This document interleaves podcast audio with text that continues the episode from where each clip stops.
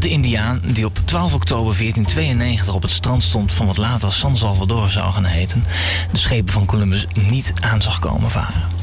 Hij zag alleen vreemde rimpelingen in het water doordat hij zich een schip niet kon voorstellen. Mensen zijn zo sterk geconditioneerd dat ze alleen dingen kunnen zien die ze kennen en mogelijk achten. Zo luidt de moraal van het verhaal. We weten niet of het waar is, maar we weten wel dat het met de Indiaan slecht is afgelopen. In Scheep aan de Horizon praten we over de vreemde rimpelingen die we zien in de hedendaagse economie en samenleving. Van marconisten tot knaningen en van loerdraaiers tot braadharing. Van alles passeert de revue. En steeds vragen we ons af: wat zien we hier eigenlijk? En vooral, wat zien we niet, maar komt wel recht op ons af? Goedenavond en welkom bij Schepen aan de Horizon. Dit is aflevering 21 op 29 april 2015. Mijn naam is Maarten Bons en hier naast mij in de studio zitten ook Marielle Gebben, Roland Mulder en Juri Sepp. Welkom. Goedenavond. Ook verwelkomen wij onze speciale gast van vanavond, Oof Haverink. Welkom Oof. Ja. Ronald gaat met Oof in drie delen praten over leven off the grid en het loslaten en het ontdekken wat eigenlijk waardevol is. De stuurman aan wal van vanavond is Juri en die zit ook in het kraaiennest. En we hebben nog twee bijzondere muziekstukken. Maar eerst hebben we een paar rimpelingen. Geen rimpelingen, we hebben geen rimpelingen. Dan gaan we uh, gelijk van wal uh, steken. De trossen los. Uh, Ronald, Oof, Juri, steek van wal. Ja, goedenavond. Oof, welkom. Dit is een bijzondere, bijzondere aflevering, dit. Al was het alleen maar omdat uh, Oof, wij elkaar al, ik denk, een jaar of 15 kennen. Zoiets, ja. Dat wil zeggen, uh, al 15 jaar lang komen we elkaar af en toe tegen. En dat is misschien wel grappig. De eerste keer dat ik Oof tegenkwam, had hij een computerwinkel. En de tweede keer dat ik hem tegenkwam, was hij een hunebed aan het bouwen. Ja. En de derde keer dat ik hem tegenkwam, was hij postbode. Dat klopt. dus misschien, misschien is, het, is het goed als je een beetje de uh, gaten invult. Hoe, hoe kwam je van het een naar het ander? Uh, ja, dan moet ik even heel uh, erg graven en heel erg teruggaan. Um, ja, vanaf mijn schooltijd had ik altijd een beetje zoiets van... Um, ja, alles is voorbestempeld en uh, je moet voldoen aan een bepaald verwachtingspatroon. En ik pas er niet zo goed in. Um, dus ik heb een beetje van alles geprobeerd in mijn opleidingstijd. En kwam op een gegeven moment al vrij snel tot de conclusie: nou, het schoolsysteem is niet voor mij weggelegd. En dat op je vrij jonge leeftijd een keuze maken voor wat je de rest van je leven moet doen. Nou, dat was ook niet zo aan mij besteed. Dus dan ben ik maar een beetje gaan experimenteren op allerlei fronten. En, dat heeft zich eigenlijk verder voltrokken in de vorm dat ik ook qua werk dacht: van, nou, volgens mij is er meer aan de horizon dan alleen maar één bepaalde carrière kiezen en dat voor de rest van je leven blijven doen. Um, dus ik heb heel veel geëxperimenteerd. En um, qua werk ook. Dus ja, um, ik was een beetje aan het hobbyen al in mijn laatste schooltijd. Toen ik uh, op een gegeven moment uh, een winkeltje begon daaruit en mijn school maar gestopt heb. Um, maar na drie jaar kwam ik erachter dat mijn hobby een beetje uit de klauwen liep. En dat ik denk van ja, datgene waar ik ooit een computerwinkel voor begonnen ben. Het knutselen aan computers werd vervangen door veel administratief werk. En dat was toch niet helemaal mijn pakje aan. Dus toen heb ik die winkel verkocht. En uh, ja, daarna eigenlijk uh, een beetje de sneeuwbal van de heuvel gegooid. En die begon steeds harder te rollen. Ik denk van, oh, ik heb de smaak te pak. Want, want, dat weet ik wel. Die eerste keer dat je... Dat was de eerste keer dat je even buiten beeld verdween. Voorbij in ieder geval. Toen ja. verkocht je die winkel en was je uh, opeens was je naar Spanje. Ja, klopt. Dat, en dat was de bedoeling dat het een vakantie was, maar het kwam maar niet terug. Ja, want ik had mijn winkel verkocht in de veronderstelling dat ik een beetje het geld over had en even kon, uh, kon kijken van nou, uh, even lekker relaxen, kijken wat ik wil doen. Ik wou leren gitaar spelen. Dus ik had iemand ontmoet, een, uh, een gitaarleraar uit Duitsland, in een kroeg ergens. En die had ook zoiets van, ik heb even een tijdje sabbatical nodig. Dus toen hadden we bepaald van nou, we gaan wel even een weekje naar, naar Ibiza. En um, toen we daar aankwamen was het daar zo leuk dat we dachten van nou, uh, weet je wat, we hebben negen dagen geboekt. Op dag acht hebben we ons retourticket verscheurd. En toen zijn we maar gewoon blijven hangen. En ja, dat blijven hangen bij drie jaar. Um, ja, dus zo begon het een beetje. En dat, dat ontwikkelde zich steeds verder. En daarna heb ik echt van allerlei dingen geprobeerd qua werk. En steeds meer gaan nadenken over hoe dingen in het leven staan. En uh, ja, dat is eigenlijk waar we, waar we nu aangekomen zijn. Een terugbeschouwing over ja, hoe is het allemaal ontstaan en waar komt het vandaan en wat doe ik er nu mee. Mm -hmm. Want je kwam na Spanje weer terug in Nederland. Ja. En toen ben je, ben ja, uh, langzaam maar zeker wat in de problemen gekomen, begreep ik. Ja, een van die problemen was uh, dat ik mijn winkel verkocht had. Alleen uh, dat is niet helemaal goed gegaan in de overdracht. Want ik zou daar nog een groot stuk geld voor krijgen. Alleen dat heb ik nooit mogen ontvangen door allerlei omstandigheden. Um, dus ja, in plaats van dat je dan in de verwachting bent dat je een stuk geld overhoudt, stond ik in één keer zwaar in de schuld. Ik kon mijn belasting niet natuurlijk voltooien, want ja, er stond nog een heel stuk administratie van een paar jaar open. Dus dat uh, kwam van, van het ene uh, ergernis en de andere. En ja, ik kon het niet oplossen, want ik zat natuurlijk eerst in het buitenland. En dan dacht ik van, nou, dat zal wel loslopen. Er komt nog een keer geld. Dus dat lossen we wel op. Maar dat lukte helaas niet. Uh, op de achtergrond had ik ook allerlei andere ja, akkefietjes met allerlei instanties in Nederland. Die ook met allerlei spookrekeningen kwamen. Waar ik denk van, waar komt het in godsnaam vandaan? Nou, dat probeerde dan een beetje aan te vechten en op te lossen. En het was toen trad zeg maar de Murphy's Law in werking. En het werd, uh, werd, alleen maar meer dat ik op een gegeven moment begon te twijfelen. Nou, doe ik nou elke keer iets verkeerd? Of uh, is het echt zo dat mij dat steeds overkomt? Nou, achteraf bleek dan dat laatste uh, toch waar te zijn. Um, ja, eh, dan ga je op een gegeven moment wel denken van... oké, okay, uh, hoe ver uh, kun je nog zinken, zeg maar? En waar is de bodem van deze oceaan? Nou, die was dan toen op dat moment nog niet in zicht.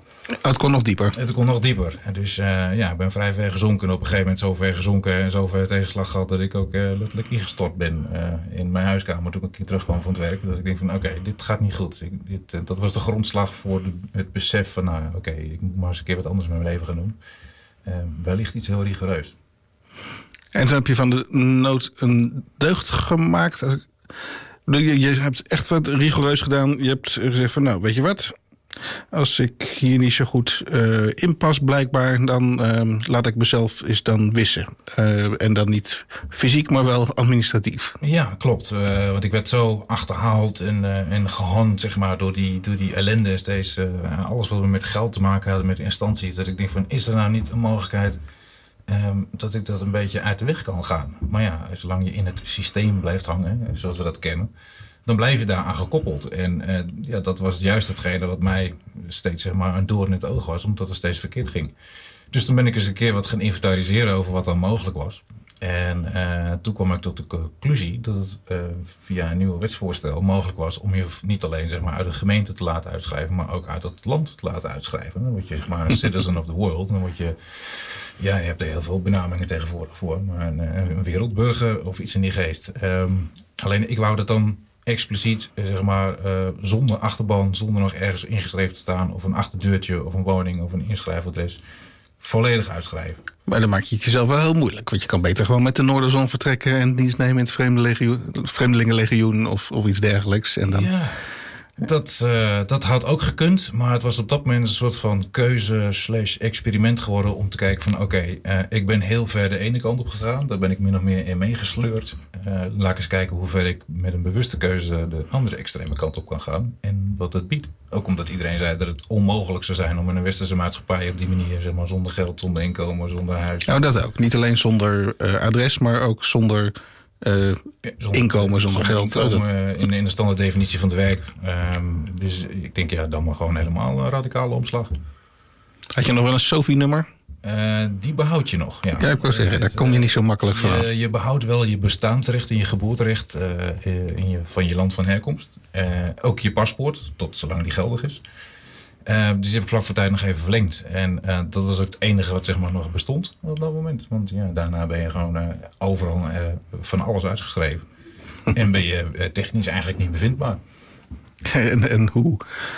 Um, je, je komt bij een gemeentehuis en je zegt van... mevrouw, ik wil me graag uitschrijven. En dat eerste wat ze vraagt is... en wat is uw nieuwe adres? Ja, dat probleem liep ik inderdaad tegenaan. um, die vroeg dat. Ik zei van ja, niet... En toen keek ze een beetje verwonderd mij aan. Zo van, maar waar gaat u dan wonen? Ik zei, dat weet ik nog niet. Ik zeg van, nou, wonen is ook een beetje een rare definitie. Want ik denk niet dat ik ergens ga wonen. Ik ga ergens verblijven en onderkomen. Ze zei, ja, maar waar is dat dan? Zeg, dat weet ik nog niet. Dat is juist de grap. Ja, zeg ze, maar ik moet een adres invullen. Want anders kan ik niet op het oké-knopje uh, klikken. Ik zeg, ja, maar eh, wat u ook invult, het zal nooit de waarheid zijn.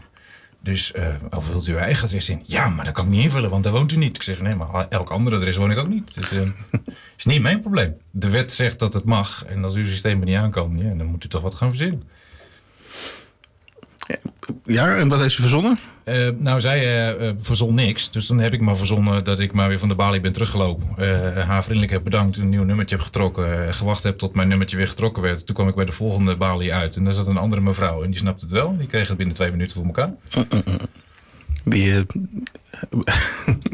die wist een shortcut of die heeft iets... Ja, ik weet niet wat zij wist, wat die andere mevrouw niet wist. Maar dat was binnen een poep in de schede was het, was het geregeld. En toen kreeg ik een officieel documentje waar ik in opstond, zeg maar, dat ik niet alleen uitgeschreven was vanuit de gemeente, maar ook vanuit Nederland. En dat je dan zeg maar, nou ja, een soort van citizen of the world-achtig iets bent, zonder vaste verblijfplaats of, of woonadres of überhaupt een adres. het enige wat ze moesten invullen was de eerst bekende vermoedelijke bestemming als land zijnde. En mijn idee was toen om op reis te gaan via Duitsland en nog steeds verder duidelijk af te, af te zakken. Dus toen hebben we daar maar Duitsland ingevuld. En waar moet je dan, als je, als je nou, over de grid eh, noemde Maarten het, hè? Je, je, je wil mhm. eigenlijk uit alle systemen, waar, wat moet je daar nog meer voor doen? De, de gemeentelijke basisadministratie heb je nu gehad, daar ben je uit. Uh, nou, heel belangrijk is natuurlijk om langlopende zaken uh, even goed te doorgronden van wat, wat loopt er eigenlijk al. Want soms vergeet je op een gegeven moment gewoon waar je ooit in het verleden voor hebt, hebt, hebt aangehangen, zeg maar.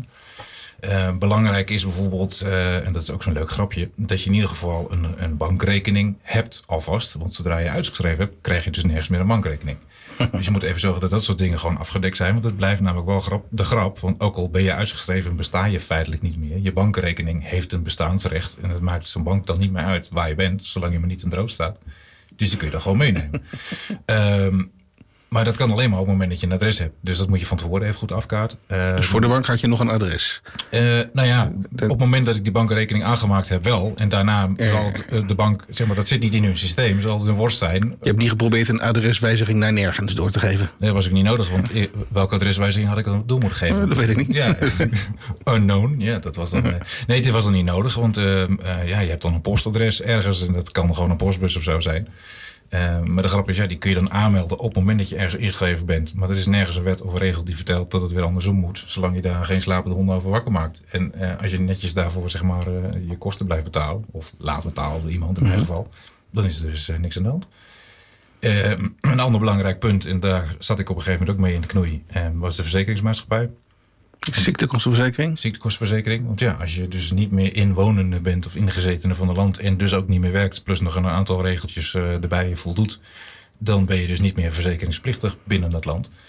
En um, nou ja, ik had het allemaal gecheckt, uh, ook bij de verzekeringsmaatschappij zelf. En die hadden mij uh, dat prima uitgelegd en een papiertje gestuurd en een controlelijstje en allemaal dingen op ingevuld. En toen vervolgens het lijstje opgestuurd. En daar kreeg ik een respons op van ja, wij kunnen u niet uitschrijven. En dat hing vast op het feit dat het niet expliciet gedefinieerd was hoe lang ik dan in het buitenland zou zijn. Of weer terug, wanneer ik weer terug zou komen naar Nederland. Uh, dus ik zat een beetje tussen wal en schip. En uh, toen op een gegeven moment uh, het college voor uh, ziektekostenverzekeraars gebeld. En zei van, hey, dit is het volval, wat moet ik hiermee? Want ik zit een beetje vast. En die hebben de geschillencommissie ingeschakeld. En die zijn op zoek, op zoek gegaan. En die belden mij terug. Zo van, ja, u staat volledig in uw recht. Want de wet geeft u gewoon gelijk. Alleen er zit een hiaat in de wetgeving die een verzekeringsmaatschappij niet expliciet verplicht om aan te duiden wat die termijn is. En uh, ja, toen uh, daar zaten we een beetje tussen. Dus uiteindelijk uh, was het advies van hun zo van ja, ehm, ik zou maar gewoon weigeren om te blijven betalen. En dan komen ze vanzelf in die grens van een gedefinieerde termijn. En dan, ja, dan ga je alsnog vrij uit. En maar hoe zit dat dan met je rechten als je dit allemaal bent uitgeschreven? Dan mag je ook niet meer stemmen. Of nee. Je, je, uh, ontdoet je eigenlijk op dat moment van elk recht wat je ooit hebt gehad. En als je je ziektekostenverzekering uh, uh, opschort, dan ben je ook niet meer verzekerd. nee, maar de grap is dat als je eenmaal uitgeschreven bent van een ziektekostenverzekering die verplicht is binnen het land, dan kom je in aanmerking voor een expatverzekering. En daar zijn bedrijven van over de hele wereld. En die zijn speciaal voor mensen die een keuze maken zoals ik. Uh, Waarbij je dan alsnog kunt verzekeren. Uh, dat moet je dan wel privé uh, gewoon, gewoon ophoesten.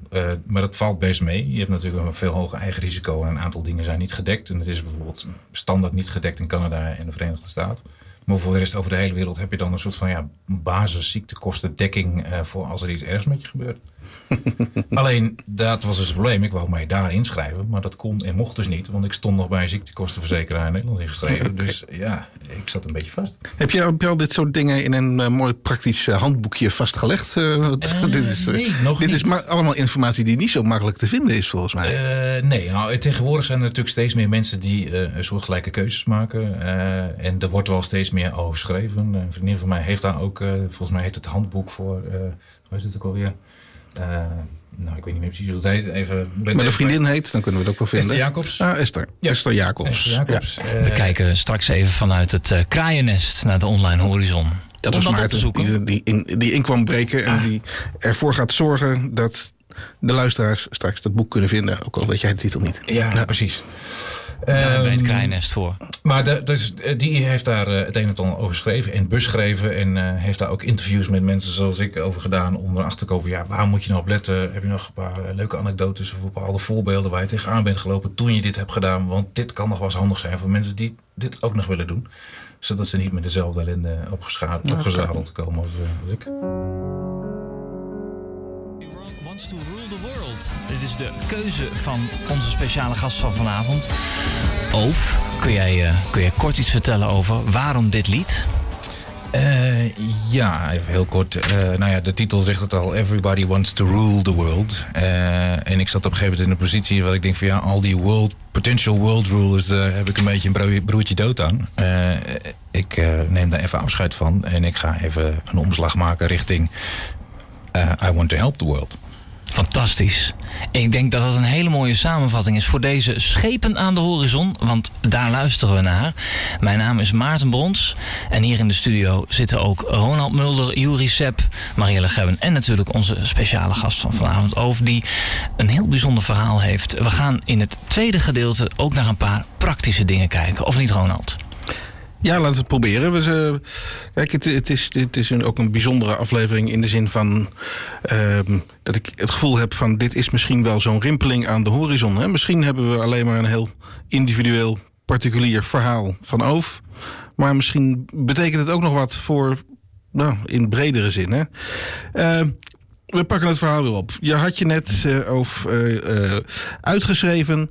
Uh, een verzekering opgezegd, uh, je schulden zoveel mogelijk uh, voldaan, of eigenlijk allemaal voldaan.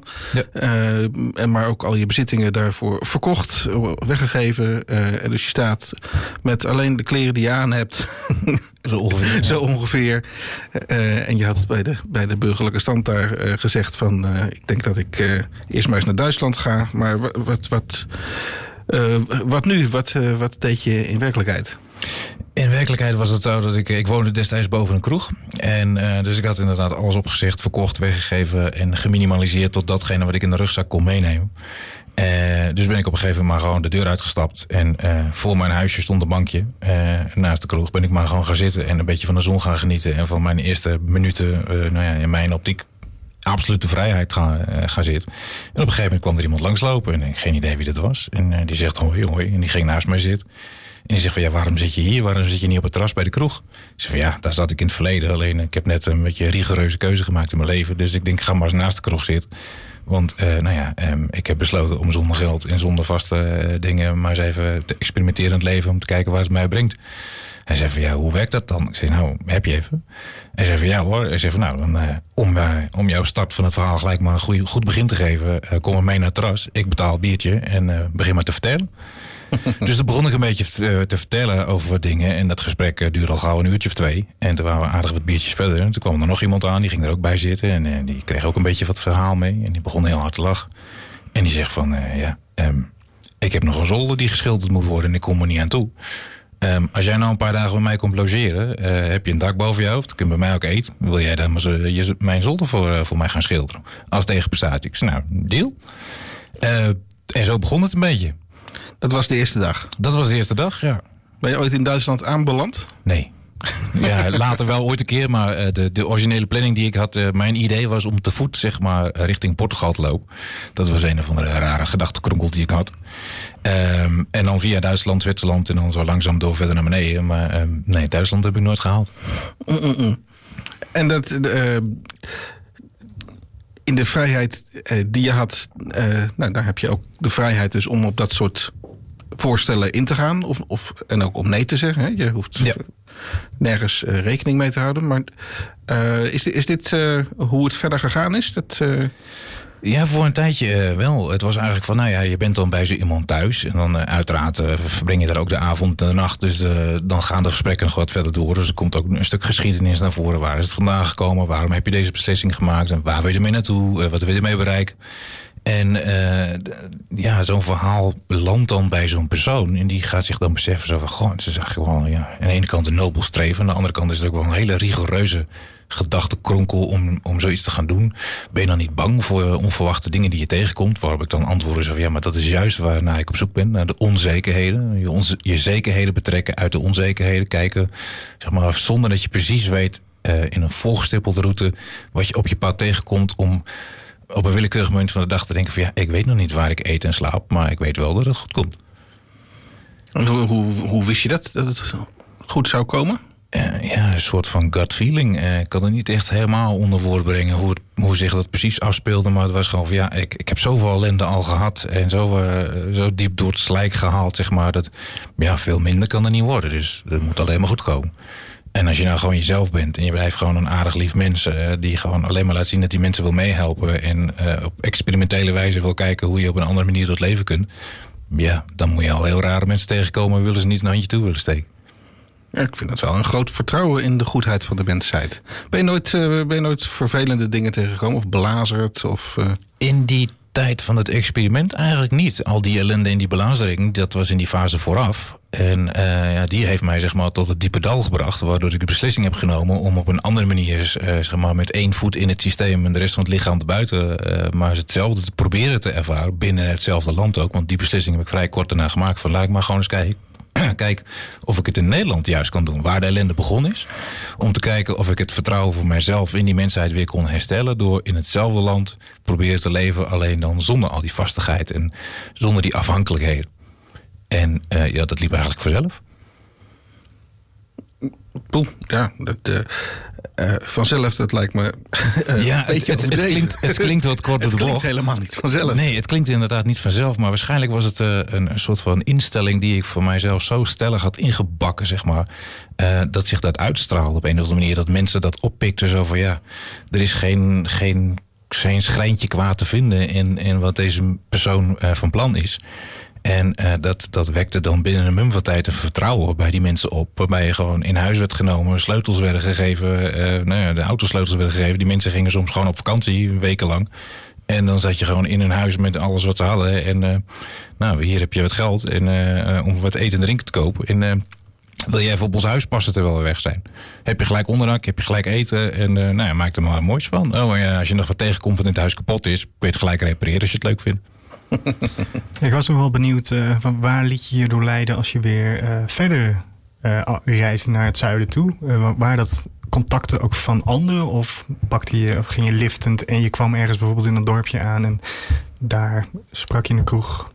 Nee, meestal was het zo dat doordat ik al bij mensen was, ehm, die mensen onderling in hun vriendenkring of familiekring uh, daarover verder gingen praten. Uh, en die, die, uh, dan werden de telefoonnummers uitgewisseld. Dus ik werd door wildvreemde mensen gebeld en gevraagd van... hey, ik heb van die en die gehoord dat jij dat en dat doet. wil je bij mij ook zoiets doen? Want ik heb ook nog wel wat klusjes en... ja, dan ben je weer eens een keer op een andere plek. En ja, je bent ook weer eens een keer even in ieder geval onderdak en je hebt weer eten. En we zijn ook wel benieuwd naar dat verhaal. Nou ja, een soort gigs. Ja, het ging vanzelf. Ik hoefde er niks aan te doen. Op een gegeven moment zat ik in een soort van luxe positie dat mensen mij gingen bellen. Zo van ja, uh, je kunt volgende week wel bij mij logeren. Ik zei van ja, sorry, maar ik zit eerst komende drie weken vol. maar ging het, uh, ging het, was je dan niet gewoon een goedkope klusjesman? Of ging het die mensen echt ook om het verhaal? Vonden, waren ze nieuwsgierig? Wellicht tweeledig. Maar um, ja, ik, ik had ook geen verplichting om iets te doen bij mensen thuis. Maar ik deed het uh, met intrinsieke motivatie. Ik vond het gewoon leuk om dat te doen. Omdat ja, dat, dat beetje uh, dingen fixen en bouwen, uh, dat, dat ligt mij gewoon naar het hart. Dat vind ik gewoon leuk om te doen. Maar ja, het ging wel echt om het gevoel dat die mensen de ondersteuning gaan Zo van oké, wat hier gebeurt is, is uniek, dat is bijzonder. En daar willen we graag op een of andere manier een bijdrage bij doen. En blijkbaar hoort erbij dat er een soort van tegenprestatie geleverd wordt. En dat was meer of meer wat ik dan aangaf. Zo van ja, uh, ik wil best wel doen. Want ja, wat moet ik de hele dag doen als ik daar maar zit? Uh, ik kan vast wel even wat nuttigs voor je doen. Mm -hmm. Maar part of the deal is ook dat jij je verhaal vertelt. Dat je Want daar zijn, hè, daar zijn mensen nieuwsgierig naar. En je werd Ja. zo'n beetje een wandelend verhaal. eh, de- de- nou, een, een, een, een gevolg van steeds maar je verhaal vertellen is vaak dat je de dingen steeds scherper gaat zien. Hè? Het, het wordt steeds meer gestileerd. Dus Ja. wat, wat begon jij te zien toen je dat verhaal tien keer, vijftien keer verteld had? Ja, ik, ik denk ook dat het vertellen van het verhaal, wat steeds genuanceerder werd, eh, dat het een onderdeel was voor de verwerking van mijn, van mijn ellende die ik gehad had. Eh, ik, ik kon er in die tijd dat die ellende zich afspeelde eigenlijk niet goed verwoorden of met mensen over praten. Ja, wat, wat lag dan precies dwars en wat doet het met je? En toen ik dan eenmaal eh, het laatste zijdraadje had losgeknipt uit alle zekerheden, had ik zoiets van ja, eh, volgens mij moet dit verhaal gewoon de wereld in. Zij het als verwerking, zij het als, als hou vast in waarschuwing voor mensen. Zo van oké, mocht je ooit zoiets op je pad tegenkomen, eh, hou dan even rekening met de volgende factoren. Geef niet op. En ja, hou vast aan, de, de kleine zekerheden die jij als individu definieert. Want dat is het enige wat je erheen kan trekken. De zekerheden om je heen, ehm, dat is een afhankelijkheid waar je geen grip op hebt. Want dat ben je niet zelf en dat doe je niet zelf. De enige waar je echt op kunt vertrouwen, dat ben je zelf. En als je dat gewoon echt vast kunt houden, ja, dan ga je steeds harder in jezelf geloven dat je, wat je ook maar verzint, het gaat gewoon lukken. En dat klinkt misschien een beetje euforisch, maar ehm, bij mij werkt het wel zo. Ja, het, het klinkt inderdaad wel een beetje eh, euforisch. en het klinkt ook misschien wel als een eh, soort van rationalisatie achteraf. Hè? Dat, eh, Ja. ehm, waarmee ik bedoel van, ja, dit, ach, je kan altijd achteraf makkelijk verbanden zien. Hè? Je, als je zegt blijf bij jezelf, dan kan het ook betekenen van, nou ja, wat ik nu heb overgehouden, dan dat ben ik blijkbaar zelf. Ehm, ja, die, ja, ik zeg altijd van de, een mens bestaat uit, uit drie zelven, zeg maar. Eén is de continue zelf die eh, is wat het is en eh, nooit zal veranderen eh, en nooit veranderd is. Dat is een soort basiselement van, van de mens. En er zijn er een paar rimpelingen omheen die een verandering zouden kunnen zijn in de toekomst op basis van wat je nog mee gaat maken. En, en een verandering op basis van wat je in het verleden hebt meegemaakt, waar je op gaat terugkijken en zegt van oké, dat ga ik toch anders doen in mijn leven. Maar er is een bepaalde basislijn, een stabiele lijn in je leven die echt jouw individu definieert. En daar moet je gewoon wel het meest aan vasthouden. Dat je die in ieder geval niet vergeet. Je echte ik. Wie ben ik? Waar sta ik voor? Waar komt niemand of niks aan? Mm, mhm. Ja, maar ik probeerde net ook te zeggen van die. ehm, pas als je helemaal eh, afgeschilferd bent, dan zie je die misschien. Hè? Dat, dat, Ja, je- we- zitten natuurlijk in een oogkleppenpatroon. Eh, je, je wordt ook gewoon min of meer met, met blinddoeken op zeg maar, de wildernis ingestuurd... eh, die dan de maatschappij heet. waarbij je continu moet voldoen aan bepaalde verwachtingen. En je doet daar dan net zo braaf aan mee. Ook al zit je voor jezelf te volharden dat je het niet doet. En pas op het moment dat je er dan doorheen zakt... Ja, dan kun je vanaf de buitenkant ernaar kijken van... oké, hoe heb ik mij nou in die situatie gedragen? En dan beginnen langzaam alle puzzelstukjes op hun plek te vallen. Zo van, ah, ik denk dat ik begin te snappen waarom mij dat zo gepakt heeft. Wat het met me gedaan heeft. Waarom ik in een bepaalde situatie beland ben. En eh, ja, door dan over te gaan vertellen, wordt het verhaal inderdaad steeds duidelijker, zowel voor jezelf als voor anderen. Ga je ook daar verbindingen van andere ervaringen, van andere mensen wellicht aan vastknopen, omdat je voorbeeld kunt geven. Dus dat schept weer duidelijkheid voor jezelf. Maar dat geeft ook weer tips voor andere mensen of hoop. Stel dat je iemand tegenkomt die ook eh, naast, naast het afgrond staat. Ja, dan zou je wel zijn verhaal kunnen leren en een deel van jouw verhaal. Waarbij die een soort gelijk inzicht krijgt. Zo van, oh, wacht eens even. Misschien moet ik dat ook mezelf anders gaan zien en gaan proberen. Heb je, eh, is, dat, is dat gebeurd? Heb je navolgers gekregen? Uh, nou, directe navolgers die precies hetzelfde hebben gedaan, niet. Maar ik ben wel regelmatig wat mensen tegengekomen die, uh, nou, als je wat langer met ze in gesprek kwam, toch wel met een hoop ellende boven tafel kwamen. Zo van ja, ik heb ook wel wat issues en ik weet eigenlijk niet met wie ik erover moet praten. En dan zei ze zo van: Ik weet ook niet waarom ik dit nu aan jou wil vertellen en ga vertellen. Maar het voelt fijn en het voelt goed vertrouwd, want ik heb het idee dat jij mij snapt. En dan kwam er in één keer een verhaal uit waar ze al twintig jaar mee rondliep. En uh, wat toch echt wel een blokkade bij die mensen ging opheffen. En dat was ook bij mij zoiets van: misschien moet ik hier wat mee gaan doen. Misschien moet ik gewoon uh, mensen gaan helpen uh, uit de prut te komen. Of als ze, als ze al heel lang met een bepaalde gedachte zitten: van hé, hey, ik wil een andere stap in mijn leven. ik wil er naartoe. Wat moet ik daarvoor doen? Ja, dat is de balans tussen het vasthouden en het loslaten van bepaalde normen, waarden en, en zekerheden. Met name die zekerheden in het leven. Maar wat is zekerheid? En dat komt. Nou ja, dat laat ik het niet gaan invullen. Maar hoe, hoe, hoe krijg je mensen zo ver. Waar komt dat vandaan? Is het omdat jij daar helemaal uh, naakt en kwetsbaar uh, zit? En, en, en dat zij ook opeens dingen durven vertellen. Want dit zijn, dit zijn, geen, dit zijn geen gesprekken die je normaal gesproken in de kroeg uh, nou, het, gek genoeg wel. Uh, want ook daar gebeurt het inderdaad. Nou ja, het overkomt me. Ik weet niet waarom. Maar um, uh, op een of andere manier is er blijkbaar iets waardoor ik heel snel vertrouwen wek bij mensen. waarbij tot nu toe iedereen die dat meegemaakt heeft ook ervaren heeft dat het in geen enkele vorm geschaad wordt. En ik denk dat dat dan op een of andere manier, dat ik daar dan nou ja, mezelf wat in gespecialiseerd heb. In een bepaalde vorm van uitdrukking of een gevoel wat je bij mensen achterlaat. Dat ze gewoon vrij snel door hebben van ja hier is het safe. Dit is, dit is oké. Ik kan niet precies verwoorden wat het is waardoor dat vertrouwen bij mensen komt. Maar, maar ik, vind dat, ik vind dat ook uh, wel uh, uh, spannend. In de zin van: het is jou gelukt om drie jaar lang zonder geld door Nederland te, te lopen, te leven. hier te slapen, daar te slapen. klusjes te doen. Ja. En niet tekort te komen. En, ehm, maar daar komen we straks na de break wel op. Ik ben wel benieuwd in hoeverre dat voor iedereen zou zijn weggelegd. Uh, of dat dat uh, iets heel speciaals van over is. Ja, wellicht. Ja, daar kunnen we dan straks de blik nog even verder vooruitwerpen. Als, als dit Into the Wild is, dan hoort bij de soundtrack van jouw Into the Wild ook een nummer van Sting. Ja. Shape of My Heart. Wa waarom dit lied? Um, ja, het is een nummer wat voor heel veel verschillende interpretaties is, uh, is, uh, is op te vatten, zeg maar. Sting heeft er zijn eigen zegje over gedaan. Heel veel mensen hebben daar een verschillende uitleg voor wat hij daar precies mee bedoelde. maar het is, ehm, je zou het vanuit jezelf kunnen projecteren. Je zou het ook vanuit iemand anders kunnen projecteren. Dat je zeg maar je voordoet als iemand anders of afstand wil nemen van de maatschappij of van een bepaald individu. Een masker opzet en je anders zou willen laten voordoen wie je bent.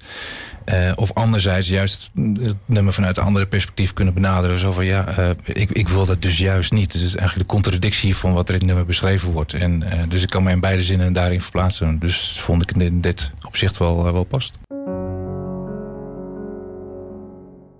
Dit is Schepen aan de horizon en wij werpen de blik vooruit. En wie bij ons specifiek blikken vooruitwerpt is natuurlijk Marielle Gebben. Want zij zit in het kraaiennest. En zij heeft zojuist even een toelichting opgesnord. Marielle?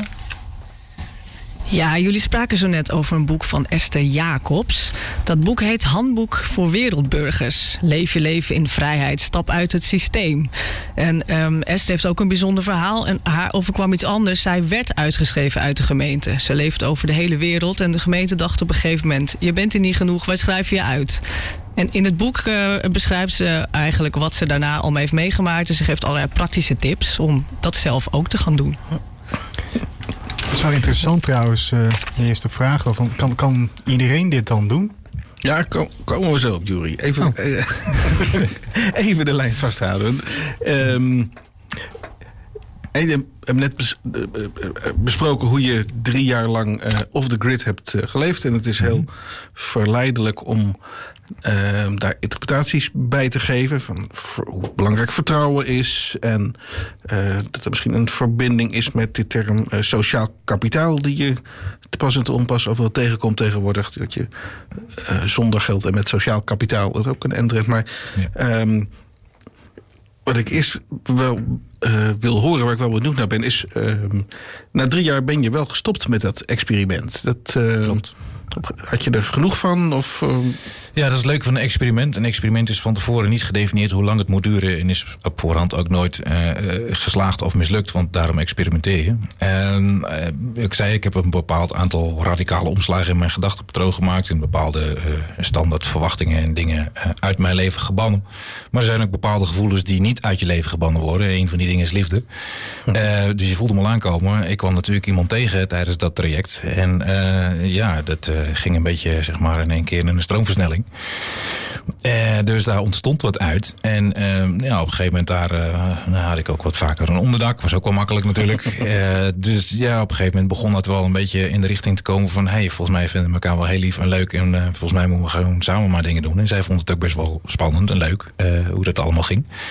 Maar dan kom je toch weer in een ander soort sociaal vlak terecht. Waarbij ik ja, eigenlijk alleen maar meeging op sleeptouw. Alleen zonder geld. Dus toen toen werd, kwam er zo- zo'n kwetsbare positie bij mezelf aan. Zo van, oké, ik krijg een beetje het gevoel dat ik wel meedraai in het voorgaande sociale circuit. Alleen ik ben niet degene die in een kroeg waar ik dan zit eens een keer zeg van, nou, dit rondje is voor mij.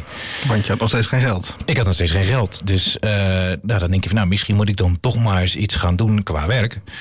Eh, zodat ik dat ook eens een keer kan doen. En we willen misschien wel samen op vakantie. En ik wou dan ook niet dat zij altijd eh, de vakantie voor ons beiden ging betalen. En zo komen we dan even op de introductie eh, terug waar, waar je het in het begin over had. Zo van, ik kwam jou op een gegeven moment als derde keer als postbode tegen. Nou, heb je bij deze het antwoord. Oké, toen was je Eh. geld aan het verdienen om op vakantie te gaan. Juist. En om eens een keer een rondje te kunnen geven. Dus eh, toen ben ik eigenlijk heel voorzichtig. Want als je wil werken, dan moet je natuurlijk weer ingeschreven staan. Anders dan kun je niet officieel werken. Dus toen eh, heb ik mij maar heel voorzichtig weer ingeschreven. En dan komt natuurlijk automatisch de verzekering erbij. Dus je, er komen wat kosten bij. die je dan gewoon maandelijks moet betalen. Dus ja, dan moet, dan moet je toch wel weer een bepaalde hoeveelheid geld binnenharken, zeg maar. Ehm, maar ja, dat ging eigenlijk wel vrij goed. Want ik heb natuurlijk minimaal mij weer in het systeem geplukt. In, de- in de Matrix gereplugged. eh, je bent zo licht mogelijk zo licht mogelijk, ja. Echt eh, de gestripte versie. En ook heel bewust gedacht van... oké, ja, al die dingen die ik destijds had... heb ik die wel nodig? Nou, blijkbaar dus niet.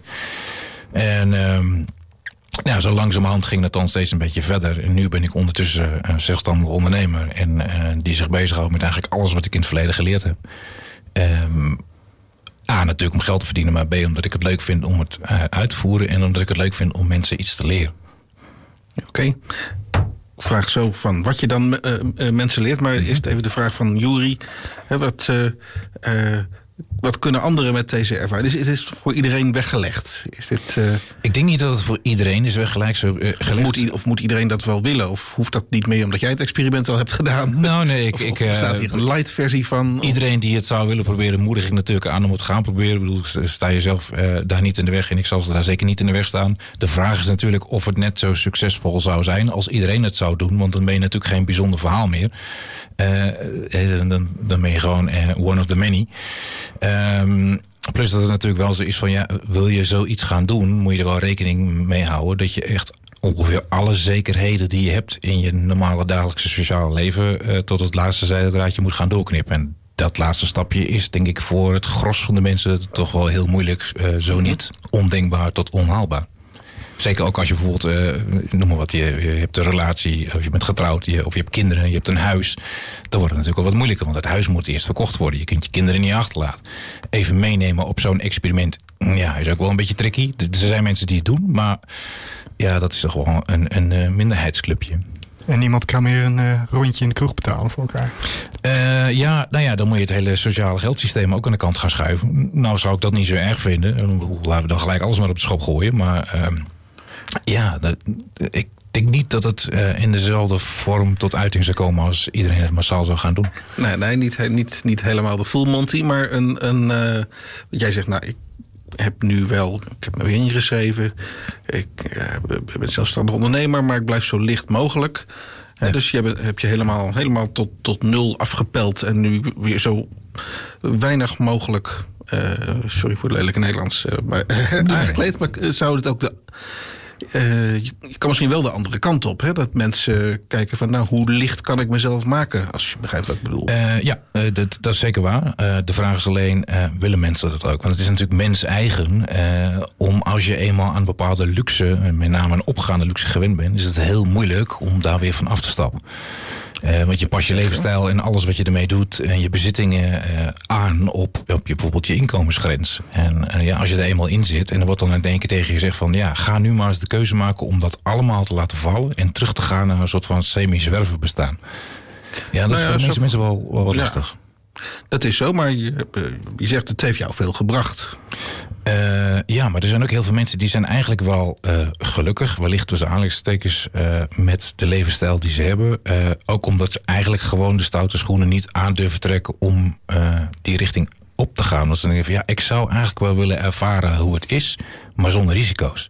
Want dit is natuurlijk zeker niet risicoloos. Want ja, alle risico's die worden volledig blootgesteld Omdat je geen enkele zekerheid meer hebt. Je hebt dus geen financiële zekerheid meer. Je hebt geen zekerheid van een, een dak boven je hoofd. Um, mensen zijn dan ook bang dat ze hun vrienden of hun familie uh, verliezen. Of, of erger. Of dat ze op een gegeven moment ergens in de middle of nowhere zitten. En in één keer zo'n epiphany krijgen. Zo van, oh, ik zit helemaal verkeerd. Help. En nu, hoe kom ik nou in godsnaam weer terug in Nederland? En dan zit je ergens in de jungle in de Amazone. Uh, en je hebt geen geld. Ja, hoe kom je dan terug? En, en dat in het vooruitzicht, uh, zeg maar, uh, de, de weg naar, de, naar het onbekende is voor de meeste mensen nogal weerhoudend om er überhaupt aan te beginnen. Zo van, nou, ik zit eigenlijk wel goed. Ik vind het wel heel interessant, dus ik luister liever naar het verhaal dat ik het zelf ga uitproberen. ja, ja, ja. Beetje de uh, Joep van het Hek bohemian. Ja. De, maar goed, er zijn natuurlijk wel uh, lichte, lichte versies van te verzinnen, uh, waardoor het allemaal een stuk makkelijker wordt. Kijk, ik ben in de problemen geraakt door allerlei geldtoestanden, omdat je tegenwoordig steeds meer geld nodig hebt. En ja, er wordt natuurlijk alles draait om, om geld. En er moet allemaal meer, meer, meer en groter. En er moet meer verbrast worden, want dat houdt de economie in stand. En dan heb je zeg maar de 1% van de 1% dingen erbij zitten. Dus er zijn eigenlijk altijd een heel klein clubje die er extreem van profiteert. Ten koste van al die mensen die het ja, eigenlijk net niet of net wel kunnen rooien. Um, dus ja, een van mijn standpunten is dat ik denk van ja, ik heb het dan eerst instantie even met heel weinig geld geprobeerd of zonder geld. En nu leef ik dan eigenlijk, nou ja, net zelfvoorzienend. Dus een van die dingen wat nou heel erg populair aan het worden is, is iets als een basisinkomen. Um, ja, ik ben er wel voorstander van. En dat wil niet zeggen dat je niet meer hoeft te werken of zo, maar. Um, Nee, ik, uh, goed, daar kunnen we, kan ik nog een uur over doorpraten. We zijn op het moment bezig om in Groningen experiment van de grond te ja. krijgen. Ook met een privaat gefinancierd uh, basisinkomen, gecrowdfund basisinkomen. En dat, dat, nee, dat is wel waar wat je zegt. Dat geeft uh, zo'n basisinkomen. Een van de grote voordelen daarvan is dat het je vrijheid geeft. om, de dingen, om de dingen te doen die je echt van waarde vindt. De, je, ja. bent, je bent niet meer chantabel. Uh, in de zin van dat je kan altijd zeggen, nou bekijk het maar. Ik, uh, uh, ik ga wel even kalm aan doen. Ja. Um, maar datzelfde kan je bereiken door, langs jouw route. Door je, wat je nodig hebt terug te schroeven. Um, ja, alleen... Sorry. Ik heb... zo. Pardon. ik heb op een gegeven moment eigenlijk gewoon besef van... ja, um, hoeveel heb ik echt nodig? Uh, wat, uh, wat ben ik nodig? En datgene wat ik gehad heb, werd ik daar wel gelukkig van. En ja, vroeger had ik heel veel bezit. En op een gegeven moment besef je van ja, dat bezit, bezit. Wat is het bezit eigenlijk? Het is een verzameling van dingen die je ergens hebt liggen, die je, dankjewel, die je één keer in de zoveel tijd gebruikt. Um, maar je moet er wel steeds rekening mee houden. Je moet het allemaal betalen. Je moet het ergens in opslag leggen. En door die opslag heb je dus een huis nodig van een bepaalde grootte. En hoe meer je verzamelt, hoe groter het huis wordt. Um, dat ik denk van ja, misschien is het wel handiger dat ik dat bezit gewoon allemaal afsta. En op een of andere manier iets verzin waardoor ik toegang heb tot middelen in plaats van bezit. Ik bedoel, ja, ik heb nu geen auto, uh, maar ik heb wel toegang tot auto's. Omdat ik af en toe gewoon iets doe voor mensen waar ze heel blij van worden. En dan hebben ze iets van, nou, als ik een keer wat voor jou kan doen. Zeg, ja hoor, dat kan wel. Dus als ik af en toe je auto mag lenen, als ik hem echt nodig heb. Dan zou dat heel handig zijn. Nou, er is dan bijna niemand die zegt van, nee, dat kan echt niet. dus dat gaat eigenlijk vanzelf dan. En dat heb je dus met steeds meer dingen. En dat je denkt van ja, je bent een keer wat anders nodig. Of je wilde. Ik ben ook wel eens op vakantie geweest zonder een vliegticket te kopen. Omdat iemand uh, zo blij was met wat ik voor hem gedaan had. Ongevraagd. Dat hij zei van nou, ik heb een vliegticket over. Omdat ik die gekregen of gewonnen heb. Alsjeblieft. Ga jij maar op vakantie, maar je hebt het verdiend. En nou, kun je toch op vakantie zonder geld uitgeven. Dus het is uh, ja, ook een beetje meer de ruilhandel uh, kant op. Zo van, ja, waarom moet altijd alles om zo, uh, nou ja, het geld en zoveel geld draaien? Ja, maar goed, als er geen mensen waren die zoveel binnenhaakten... dan waren er ook geen mensen die dat vliegticket aan jou konden geven. Uh, nee, tenzij iedereen ongeveer hetzelfde zou verdienen. Want dan zou namelijk betekenen dat er niet meer maatschappijen of mensen zijn die heel erg veel geld moeten verdienen. En waar dus alles, waardoor dus alles in één keer een stuk goedkoper werd. Waardoor de vliegtickets geen 600 euro meer kosten, maar nog 60 euro. Ja, of. of, um, is het zo? Of ja, misschien wat kort door de bocht, maar um, stel nou of dat zijn je... er dan helemaal geen vliegmaatschappijen meer? dat, uh... Nou ja, het, het, het, vliegen is natuurlijk... Kijk, we vliegen nu heel veel en dat is eigenlijk ook een, een, een luxe ding. We gaan uh, of vliegen voor, voor, uh, om op zakenreis te gaan of iets dergelijks. Of we vliegen omdat we op vakantie willen. denk je van ja, vroeger kon dat ook niet. Toen we nog geen vliegtuigen hadden, kon je ook wel eens ergens naartoe. Maar dan was je gewoon veel langer onderweg. Nou, tegenwoordig kunnen we niet meer heel lang onderweg, want we hebben werkdruk. Eh, als je een basisinkomen hebt en de werkdruk van tijd is weg, ja, dan hoef je niet per se met vliegtuig. Dan kun je ook uh, liftend uh, naar een bestemming toe gaan. Met vliegtuig is niet meer nodig. Nee, nee, ja, het zou allemaal heel anders kunnen. Maar. Um... Goed, daarmee draaf je natuurlijk op een gegeven moment heel ver door. Dat je denkt van ja, wat hebben we dan nog nodig? Ja, dat is inderdaad precies mijn gedachtegang. Wat heb je eigenlijk echt nodig? Want we zijn natuurlijk in een stramien beland in de ja, laatste zeg maar 100 jaar. Waarbij alles gierend snel vooruit is gegaan. We het allemaal maar gewoon aangenomen hebben als aanwezige standaard en heel simpel. Maar um, ja, kunnen we wellicht kun je ook zonder. Sommige mensen wel. Sommige, en ja. sommige misschien ook niet. Is het niet iets wat voor iedereen anders ligt? Ik denk dat het voor iedereen wel anders ligt. Uh, kijk, de een heeft, legt veel meer waarde op, uh, op, op reizen of op uh, überhaupt vakantie of op nou ja, bezittingen. hoeveel geld je verdient. Status, aanzicht is natuurlijk heel belangrijk iets. want we zitten natuurlijk een beetje in zo'n in zo'n zo'n hanengevecht altijd van ja. Ik moet altijd net iets beter zijn dan de ander, want dat, dat doet iets met mijn aanzien. Ehm, ja, tenzij je beseft van, nou ja, aanzien is voor mij niet belangrijk. Ja, dan vallen al die andere factoren vanzelf weg. Of wellicht is het aanzien daar namelijk niet aan gelieerd. En zou je in aanzien wel eens kunnen stijgen op het moment dat je juist zegt van, nou weet je wat, het hoeft voor mij allemaal niet zo luxe. Wie weet, misschien stijg je aanzien daardoor wel. En wellicht nog meer dan als je in één keer zegt van, nou, kijk, mijn nieuwe Mercedes. En, uh, mijn, laatste, mijn laatste vraag over. Jij hebt dit inzicht verworven doordat je op een gegeven moment echt helemaal aan de grond zat. Mm -hmm. Dus je had niks meer te verliezen. Klopt. He, dan, dan, kan je dat experiment uh, aangaan. En je verdient nu onder andere uh, je geld met uh, coaching en, en andere mensen iets van dit besef bijbrengen. Ja. lukt dat als mensen hier niet zelf op een of andere manier doorheen zijn gegaan? Of heeft iedereen wel een haakje waar die dit aan kwijt kan? Ik denk dat iedereen ergens wel een haakje heeft waar ze iets zou mee willen doen. De vraag is alleen of ze dat, uh, zeg maar, uh, dat haakje ook in de buitenlucht willen hangen. Dus voor, aan de voordeur. Want de meeste haakjes blijven uh, vol behangen binnen het huis. of liefst nog in een gesloten kluis. Dus ik denk dat er voor iedereen wel zoiets voor weggelegd is. Al is het alleen maar uit interesse. Dus je hoeft niet uit een diep dal te komen om zo een beslissing te maken. Het is echt van ja, zit er een interesse in? Zou je het willen doen? Zou je, nou ja, zou je de grote stap durven maken? En wat zou je er zelf van kunnen leren? En ja, de grote vraag is natuurlijk, wil je überhaupt iets leren? Want sommige mensen hebben zoiets van, ja, dit interesseert me geen moer. Of ik weet alles al. Of ik weet alles al, ja. Nou ja, uh, ja ik weet ook niet alles. Uh, ik heb heel veel gedaan en ik leer nog steeds elke dag bij. En datgene wat ik leer en als heel positief ervaar... Uh, wil ik graag met andere mensen delen. Dus dat probeer ik nou zeg maar, in die zin om te zetten. Dus een hoop van mijn tijd gaat op aan het belangeloos mensen gaan vertellen... en en inlichten over wat ik heb meegemaakt en wat je er eventueel mee, eventueel mee zou kunnen doen. Over dankjewel voor het delen met ons. Graag gedaan. En ik hoop dat je ook nog een boek gaat schrijven. Net als Esther. Ja, het ligt in de planning al heel lang, maar het is er tot nu toe niet van gekomen. Podcast. Dit was de nostalgische Belkampische zwerftocht van Ove Haverink.